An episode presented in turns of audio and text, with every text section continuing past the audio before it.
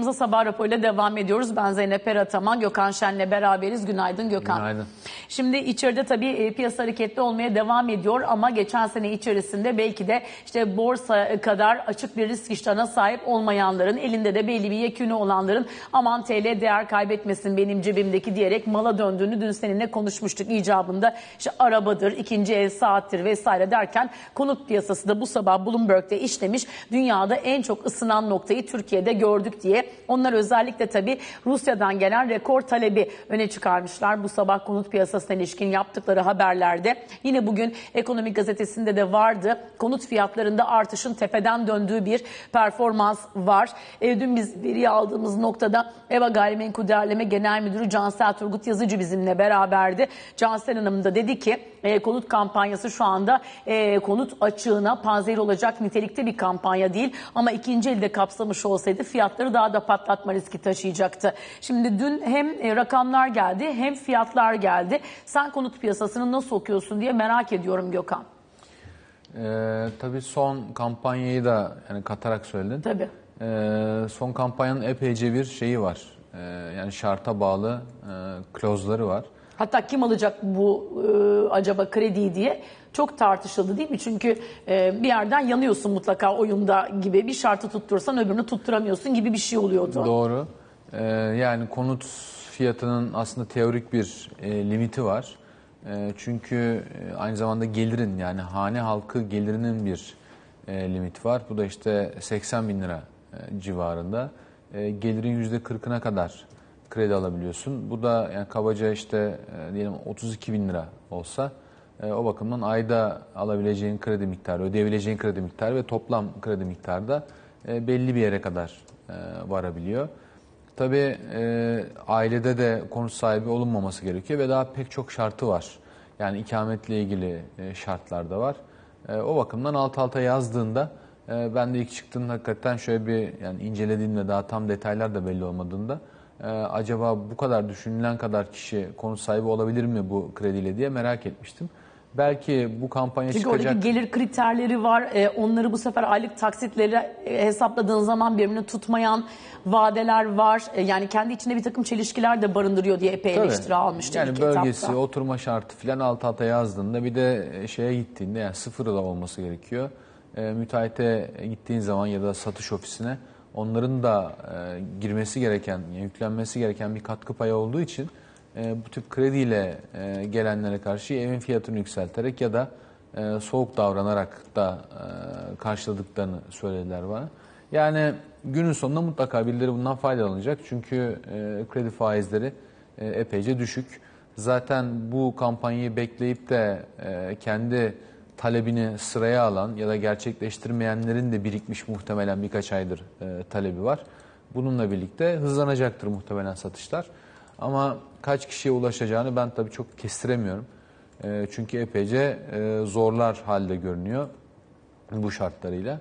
E, bunun da tabii makul olduğu kanaatindeyim. Yani e, bu kampanya çıkmadan önce de e, burada çok konuşmuştuk. Şu ana kadar e, konutla ilgili atılan adımlar genellikle konut fiyatlarının düşmesini sağlayacak yönde. E, konut sahipliğini daha dar gelirlere e, yayacak yönde. Konut arzını artıracak yönde ve pahalı konutlara kredi imkanını keserek dolayısıyla toplam satışlar içerisindeki e, kredili ya da işte mortgage, ipotekli satışların payını azaltmayan bir strateji, e, azaltmaya hedefleyen bir strateji izliyordu. Bununla uyumlu olmaması e, büyük bir garabet olacaktı. Hatta e, bu ikinci el konutlar için de bir e, Çalışma kampanya vardı bakan? Evet, haberini gördüğümde açıkçası orada da e, ben endişeye kapıldım. Çünkü yani her şeyi bir yerli yerine oturtmak gerekiyor. Şimdi son gelen e, satış verileri ve senin de bahsettiğin yine e, konut fiyatlarındaki seyre baktığında Türkiye'de konut fiyatlarının artış hızı tepeden döndü. E, tabii bu fiyatların artmayacağı anlamına gelmiyor. E, fakat reel olarak e, kazanç üretme kapasiteleri bir tırpanlanmış oldu. Bu hem BDDK açıklamaları hem de işte hazinenin e, işin içine dahil olmasıyla Temmuz ayından bu yana artık hem satışlarda bir normalleşme hem de fiyatlarda bir normalleşme eğilimi var. Şimdi bu tabii işin doğal sonucu. Çünkü Türkiye'de hem enflasyona baktığında hem dövizin seyrine baktığında konut fiyatlarındaki kuvvetlenme ikisinin de epeyce üstünde oldu. Yani yavaşladı dediğimiz konut fiyat artışı hızı şehirlere göre değişmekle beraber Türkiye genelinde işte %175'ler civarında. Yani mesela İstanbul'da ortalama bir daire fiyatı diye arattığında 2021 yılında 700 bin lirayken bugün çok kabaca söylüyorum işte 3-3,5 milyon lira civarında. Yani demek ki 4-5 katına çıkmış. 2021'den sadece bu yani, yani birikimli olarak. Oysa ki konuta ulaşma e, hevesinde ve gayretinde olanların e, muhtemelen gelirlerinde bu şekilde bir artış yok. Bu da zaten işte kredibilitesi yüksek olanların, krediye kolay ulaşanların daha fazla konut almasıyla sonuçlandı ve Türkiye'de konut sahipliği oranı düştü. Aynı zamanda konut arzında problemler olduğu için var olan arz da genellikle şehir dışı yerlerde geliştirildiği için e, yani yaşamaya dönük epeyce sıkıntılar baş gösterdi ve barınma sorunları ortaya çıktı. Hatta işte beyaz yakalılar şehir dışına mı itiliyor diye yazılar çıkmaya başladı. Değil mi? Böyle E çünkü bir boyutu da var. Şimdi yani diyelim ki zamlar açıklanıyor. İşte %50 zam yapıyorsun. Arada bir %30 daha yapıyorsun. Öbür yılbaşı geliyor bir %50 daha yapıyorsun. Yani kaç kişi bunu alabildiyse. Bu kötü görünmüyor enflasyonu karşılamak bakımından. Fakat 2021 yılıyla 23 yıl arasındaki konut fiyat farkını söyledim. Yani 700 binden 3,5 milyona çıkmış. E şimdi insanların kiraları da böyle fırladı. Yani son %25'ten sonra ne oldu bilmiyorum. Yani olsa olsa davalık olmuşlardır. Özellikle çalışan kesim için söylüyorum. Ee, ama e, geneli insanların diyelim ki 2 bin lira, 3 bin lira konut kirası verirken bir anda yani ev fiyatları kadar olmasa da bunların minimum 3 katına falan çıktığına şahitlik ettiler. E şimdi gelirlerde böyle bir artış olmadığı için çok kişi de maaşına oranla konut fiyatını yani kirayı karşılayamama gibi sorunlar ortaya çıktı. Bu da bir barınma problemi e, meydana getirdi. Aynı zamanda Ukrayna-Rusya savaşından sonra e, hem Ukraynalıların hem de Rusların e, Türkiye'de çok ciddi konut alımları var.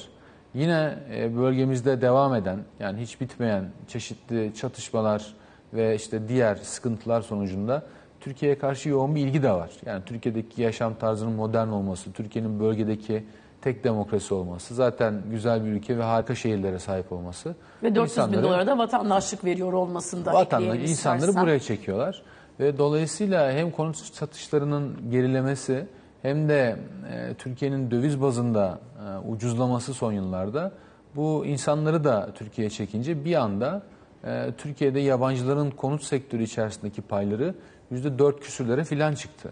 Tabi bu işin geneli. Sonuçta e, yani bunlar gidip yani daha Orta ve Doğu Anadolu'dan e, ev almıyorlar. Karadeniz'in belli bölümleri, işte Antalya, e, ne bileyim İzmir, Ankara, e, özellikle İstanbul buralarda e, büyük alıcılar. Antalya'da bir ara bazı aylarda satışların neredeyse dörtte biri e, yabancılar tarafından yapılır oldu. Geçen işte sosyal medyada dönüyordu gördüm bir tane sınıf paylaşmışlar. Sınıfın esami listesi diyelim yani Eskişehir'le sınıf mevcudunda Türk yok. E, işler çok enteresan e, bir yere gelmiş. İstanbul'da satışların %10'u yabancılara yapılıyor. Şimdi bunlar tabii çok sıkıntılı işler.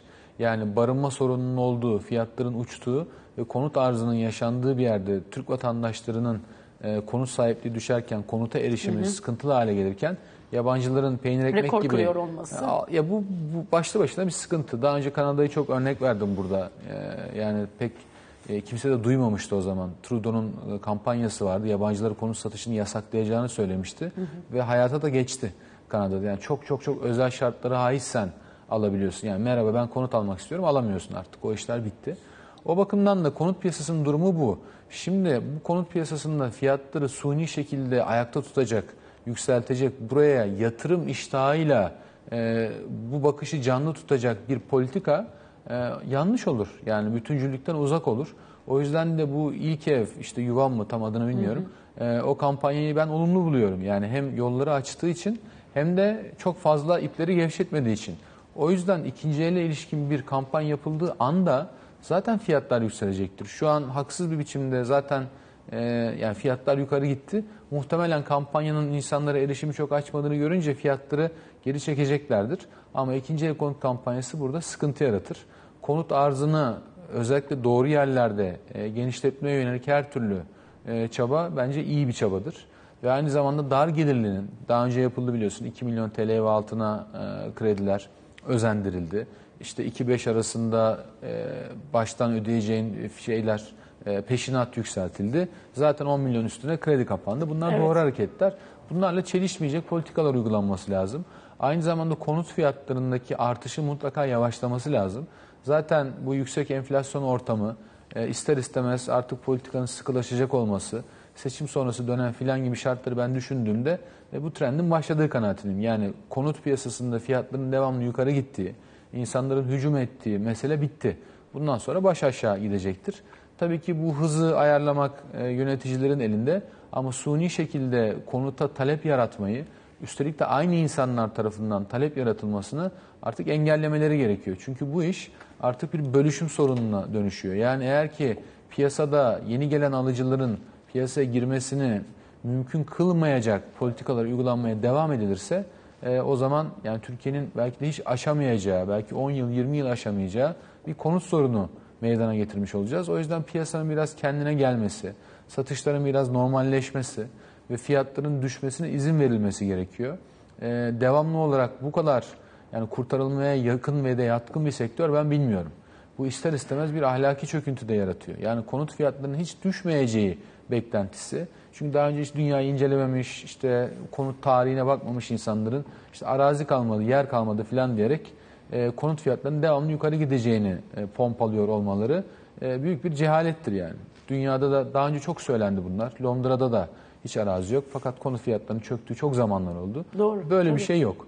E, Kaldı faizler ki bizde bir de hani ticari bir takım işte e, gayrimenkullerin konuta dönüştürülmesiyle ilgili e, de umutlar var. E, onu da yine belirtmekte fayda var. Çünkü pandemi sonrası işte uzaktan çalışmanın da gündeme gelmesiyle işte ofisler boş kaldı. Buralar konut olsaydı e, ihtiyaca bir miktar cevap verebilirdi diyenler var. E, diğer yanda tabii konut fiyatlarında reel değişim dediğin gibi önemli. Enflasyondan arındırdığımız zaman ortaya nasıl bir tablo çıkıyor. Şimdi biz e, seninle o dönemlerde de yayın yaptık. Bu verim eğrisinin e, çizginin altında kaldığı dönemlerde de yayın yaptık. Şurada bir çizgi var. Yayınımıza çok net yansımıyor. Şöyle belirtmeye çalışayım ben. E, 2017'nin Temmuz ayı ile 2020'nin Mart ayı arasında seninle biz konut piyasası üzerine yaptığımız sohbetlerde negatiften bahsediyorduk. Yani reel anlamda konutun değerinin getiri değil götürü ile grafiğimize yansıdığını çünkü enflasyondaki artışın e, konut fiyatı artışlarının üzerinde olduğunu söylüyorduk. Fakat daha sonrasında ne oldu? Pandemiden itibaren esasında bu döngü bozuldu ve tepe noktaları biz geçen sene içerisinde bu grafikte gördük. Bir diğer bakış açısını da belki politika faizi eşliğinde yapabiliriz. Politika faizindeki ciddi düşüşlerin de esasında konut fiyat artışlarında karşılık bulduğu da yansıyor yine grafiklere. İşte bunun benzeri grafikleri zaman zaman e, Bilkent Üniversitesi profesörü aynı zamanda Merkez Bankası eski baş ekonomisti e, Profesör Doktor Hakan Kara e, hocamız da paylaşıyor. Bu iki açıdan da bakmaya çalışalım mı Gökhan? Bundan sonrası için bir öngörüde bulunabilmek açısından. E tabii yani faizlerin e, ineceği ve hatta ne olursa olsun ya da her şeye rağmen ineceği dolayısıyla da e, tasarrufun e, caydırıldığı e, bir ortamda mala hücum başlamıştı. Konut fiyatlarını uçuran şey faiz indirimleri olmuştu. Yani iddia edilenin aksine Türkiye'de yeterli sayıda konut bulunmaması olmamıştı. E, o bakımdan faizden normalleşirse ya da enflasyon düşüp aradaki fark kapanırsa ya da ikisi birden olabilirse e, muhtemelen konut fiyatlarındaki normalleşme sürecektir. Az önce bahsettiğim o eğrinin dönüşü zaten konut fiyat artışlarının hızının yavaşlaması konusuydu. Sen de onu e, ekrana getirdin. Ben bunun yani kuvvetlenerek devam edeceği kanaatindeyim. Çünkü 2021 yılında 11 büyüme, 2022'de 5, bu sene herhalde 3'ler civarı bir şey olacak. 2024'de falan bakacağız. Bu bile zaten başlı başına bunu getiriyor. Tabii mikro politikalarla konuta özel, e, yeni evlenenlerin, işte ev sahibi olmayanların devamlı konut edinmesini sağlayabilecek ve ucuz kredi imkanı sağlayan politikalar bence yani ömrü billah devam etmeli. Fakat üstü segmentlerde de artık herkes kendi gücüne göre almalı. Konut piyasası da gayet yetişkin bir e, piyasa gibi e, normal koşullarda işleyeceğini bence bilmeli. Ancak ve ancak arsa fiyatları bu şekilde düşebilir. Sonuçta konutun önemli bölümü e, arsadan geliyor. Yani çimentodan şuradan buradan değil. E, o bakımdan be- benim kanaatimce yolu bu. Bu normalleşme geldikçe fiyatlar da zaten normalleşecektir. Ardından da Türkiye artık yabancılara konut satışında e, belirli sürelerle ikamet şartları getirmek zorunda. Yani her kafasına esen gelip de e, konut alamamalı. Yani buradan gelecek paraya bence açıkçası Türkiye'nin ihtiyacı yok. Madem işte ihracatımız 250 milyar dolara vardı diyoruz. Yani buradan gelecek birkaç milyar dolar olmayı versin. Şu an yapılamaz görüyorum. E, çünkü çok büyük bir döviz açlığı var. Devamlı döviz çekilmeye çalışılıyor. Yani konut da bunun kolay yollarından bir tanesi. Ama gerek vatandaşlık verilmesi e, gibi konularda yeniden bir düşünme yapmak gerekiyor. Gerekse de konut alanların şarta bağlanması. Yani madem konuta ihtiyacın var, ekspat olabilirsin.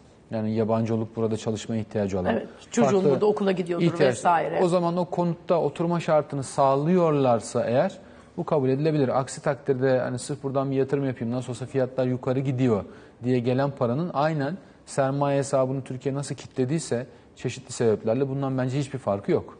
O yüzden neden A formunda para gelirken işte çirkin görünüyor da B formunda gelirken yakışıklı görünüyor? Bunun bence bir mantığı yok. Seçimlerden sonra da ben açıkçası burada e, makul politikalar izlenebileceği kanaatindeyim yani. Şimdi bir yandan bizde tabii konut piyasası bugün dış basında genişçe yer bulurken diğer taraftan da Japonya Merkez Bankası tabii genişçe yer buldu. Çünkü e, orada geçen haftadan beri e, adeta bir haber kirliliği yaşanıyor. İşte önce Yomiuri'de bir haber çıktı. Diyorlardı ki e, çok gevşek bir para politikası güdmenin yan etkilerini Japonya Merkez Bankası bu toplantıda gözden geçirecek. Ona göre bir adım atacak. Diğer taraftan 10 yıllık tahvil faizi cephesinde Aralık ayında Japonya Merkez Bankası hedefi e, sıfırda tutarken bandı genişletmişti. 0.25 artı eksi şeklindeki bandı artı eksi 0.50'ye genişletti. Ve onun üzerine ne oldu? Piyasa giderek Japonya merkezin elini zorlamaya başladı. Japonya merkez sürekli planlı ve plansız şekilde tahvil piyasasına müdahalelerde bulunmak zorunda kaldı. O 0.50'nin aşılmasıyla beraber e, bu sabah da işte 0.51'lerden 0.49'lara daha sonrasında biraz daha aşağısına gelen bir tahvil faizi 10 yıllıkta gördük. Yende bu beklentiyle bir kuvvetlenme izlemiştik. O da tersine döndü. %2,5 civarında bir düşüşle yen dolara karşı işte 131'li seviyelerin üzerini e, bu sabah görmekte. Evet politika faizinde değişim yok. Evet politikada değişim yok. Ama piyasa olsun istedi ve umduğunu bulamadı. E, acaba kurada Nisan'da görev süresi de olacak. Bunu bir başka isme mi bırakır? Ne dersin? E şimdi ben şeye baktım yani karara baktım. Evet. Ee, 2023 yılındaki enflasyon tahminlerini Yukarı. şey yapmışlar yani Revize ediyorlar ufak revize ediyorlar. Dolayısıyla 2 puanlık hedefin e, tutturulamayacağı e, kanaatindeler. E şimdi 2 puanlık hedef tutturilamayacaksa o zaman politikanın sıkılaşması yani faizlerin biraz yukarı gitmesine izin verilmesi, yenin kuvvetlenmesine izin verilmesi e, herhalde işte Mart ayında bir daha gözden geçirme var diye biliyorum. Yani oraya kadar mümkün değil. O yüzden de zaten bu işte Kuroda'nın gidişi, yeni başkanın gelişi gibi bir e, döneme e, tesadüf ediyor. Oraya kadar beklememek gerekiyor. E, o yüzden de bu işi kendince iyi yönettiler. Öyle görünüyor. Yani enflasyon beklentilerini son ana kadar elden geldiğince canlı tutmaya çalışıyorlar. Piyasa bu toplantıda olmayacağını biliyordu. Ama işte aldığı pozisyonların momentumuyla herhalde iyi maliyetlenenlerin de biraz ittirmesiyle burada olabilir mi diye de bir küçük iddiaya girdi. Olmayınca e, tabii aslına bakarsan risk iştahına olumlu. Çünkü işte faizlerin düşmesine sebebiyet veren, işte küresel fonlama para birimi olan yenin e, değer kaybetmesine izin veren, aynı zamanda da piyasadaki gevşek yani son kalan Mohikan'ın da e, gevşek para politikasını uygulamaya devam edeceği mesajını yaydığı bir toplantı. O yüzden de zaten işte Nikkei'de rally var, ne bileyim Amerikan vadeleri e, kötü bir yerde değil filan. Tabii farklı piyasalarda da farklı yansımaları var. Yani doların kuvvetlenmesine de sebebiyet verdiği için ne bileyim altını filan e, aşağı çekiyor. E, bu tip etkileri de var.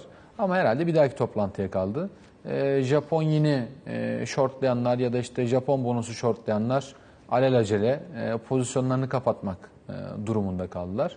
Bu tabii vakti gelip de Japonya'nın bu politikadan çıkış sinyali üreteceği günde de neler olacağının bir ön gösterimi aynı zamanda. Yani o günde muhtemelen Mart-Nisan civarında bunun tam tersi olacak. Yani Japonya'nın sert bir değer kazanımı, işte faizlerin 0.50'lere doğru attığı filan e, onların yani kendi çapında bir kıyım olacak. 0.50 bizim için bir şey ifade etmiyor ama hı hı. yani tahvil faizini %0.1 ile işte 0 arasında uzun süredir tutabilen, işte arada 25'e kaçak yapmasına, 0.25'e kaçak yapmasına izin veren bir merkez bankası için faizin aslında ikiye katlanması e, anlamına geliyor ve tüm dünyada e, pozisyonlarını kaldıraçlı pozisyonlarını yenle fonladığı için aynı zamanda sinyal etkisi var.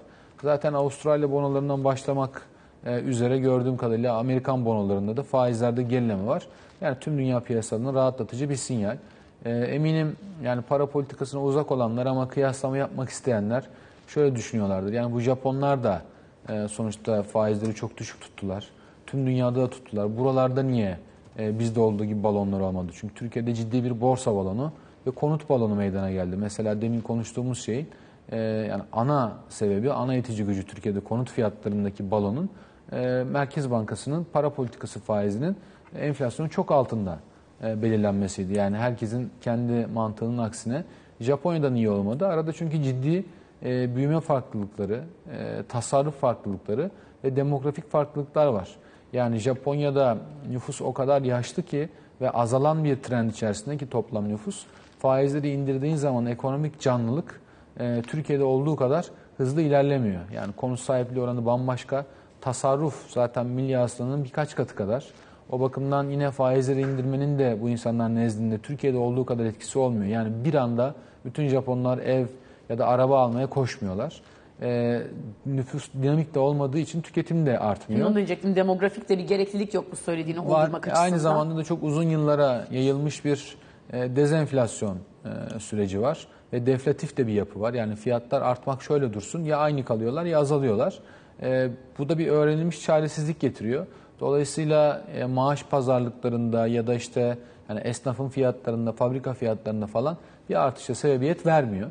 E, farklılık buradan kaynaklanıyor. Yani Türkiye gibi ülkede e, nüfusu genç, aktif, dinamik, gelişen piyasa olan, işte milli geliri Japonya'nın çok çok altında olan, tasarruf oranı Japonya'nın kabaca herhalde milli hasıla oranı onda biri filandır Türkiye'nin.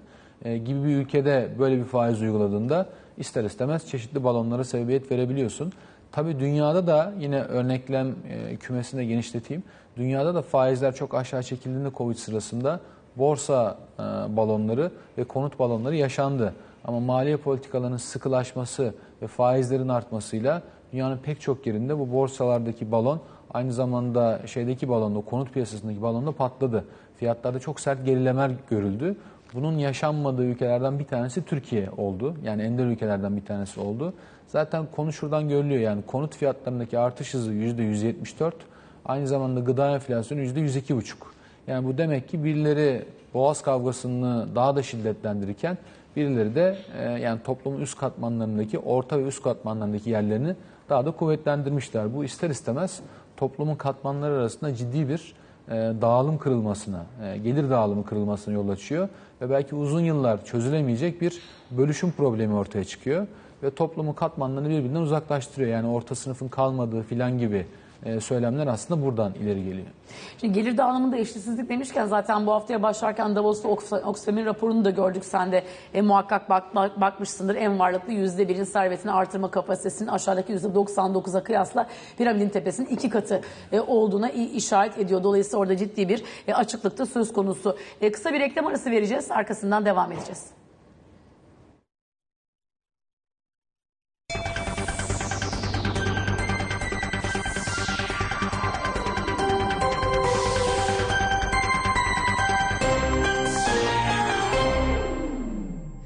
Sabah raporuna devam ediyoruz. Bloomberg KT Genel Müdürü Ali Can Türkoğlu ile siyasetin nabzını tutacağız. Ali Can günaydın. Günaydın.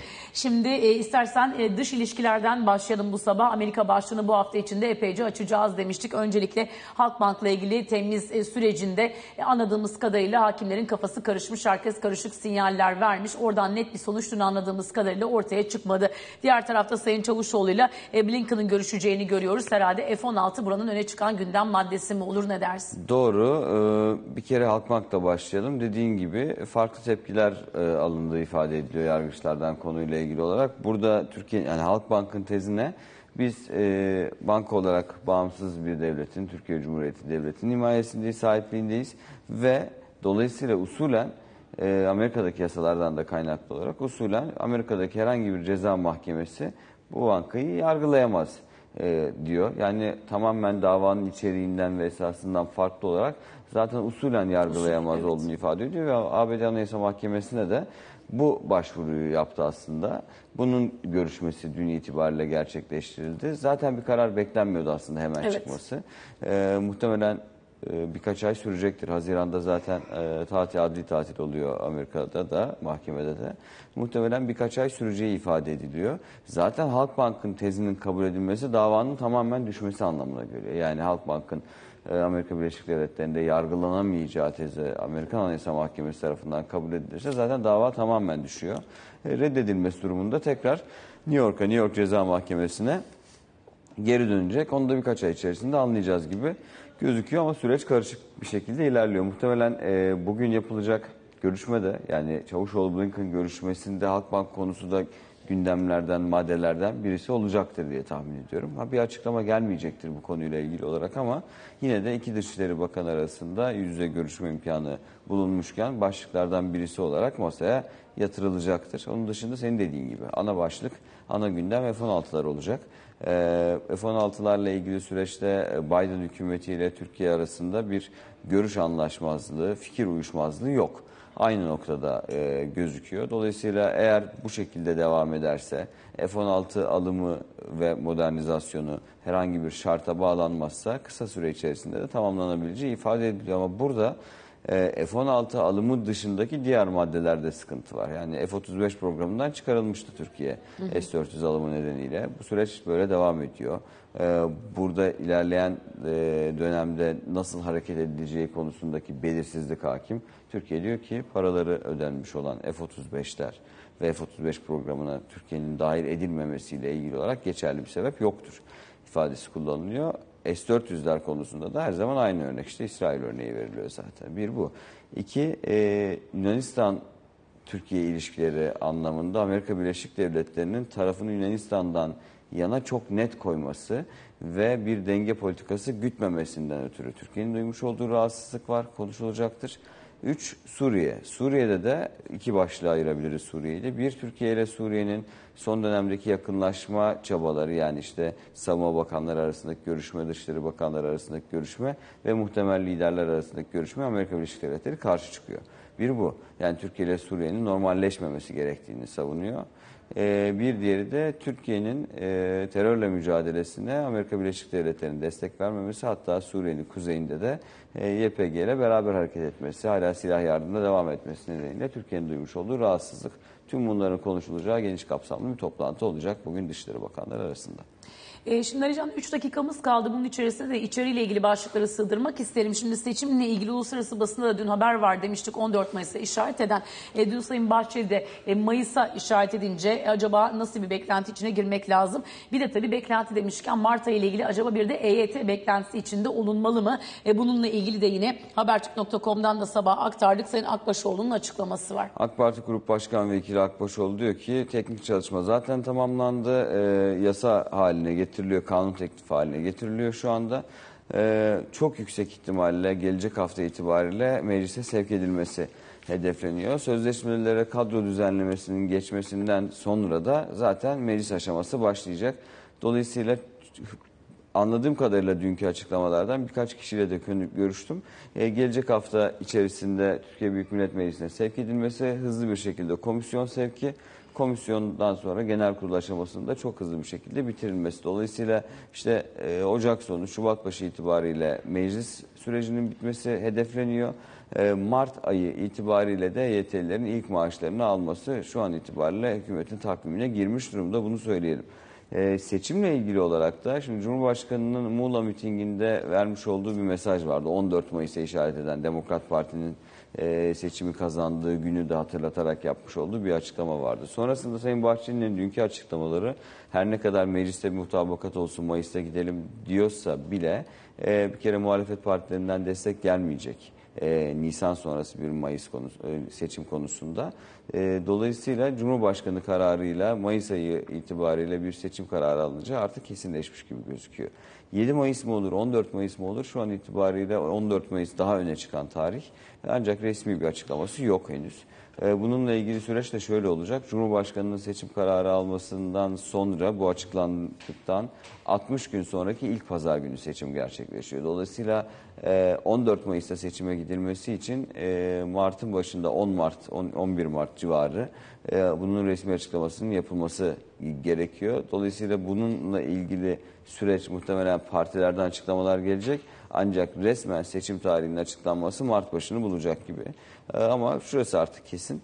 e, 18 Haziran'da yani seçimin olağan tarihinde seçime gidilmeyeceği ve e, Devlet Bahçeli'nin açıklamalarından sonra da AK Parti'den de açıklamalar gelmişti. Mayıs ayı itibariyle seçim kararı Cumhurbaşkanı'nın alacağı bir seçim kararıyla Türkiye'nin Mayıs ayında seçime gideceği artık kesinleşmiş gibi gözüküyor ki zaten e, partilerin seçim beyanname hazırlıkları da tamamlanmak üzere. Şubat ayı içerisinde anladığım kadarıyla tüm partiler seçim beyannamelerini e, açıklayacaklar. E, zaten işte il başkanları, ilçe başkanları bunların istifa edip aday adayı olma süreçleri zaten başlamıştı.